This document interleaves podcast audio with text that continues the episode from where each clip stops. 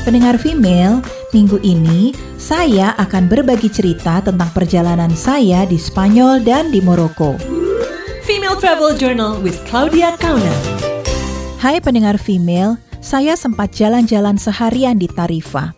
Yang unik dari kota ini adalah benteng di pinggir pantai dan reruntuhan bangunan bangsa Romawi yang berasal dari abad ke-1. Kota tuanya juga bagus banget karena gedungnya semua putih.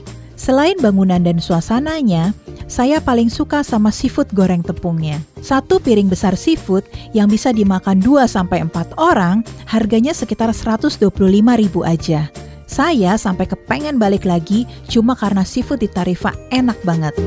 Tunggu ya Female Travel Journal selanjutnya dan Anda juga bisa mendengar ulasan lengkapnya di femaleradio.co.id. Female Travel Journal with Claudia Kauna.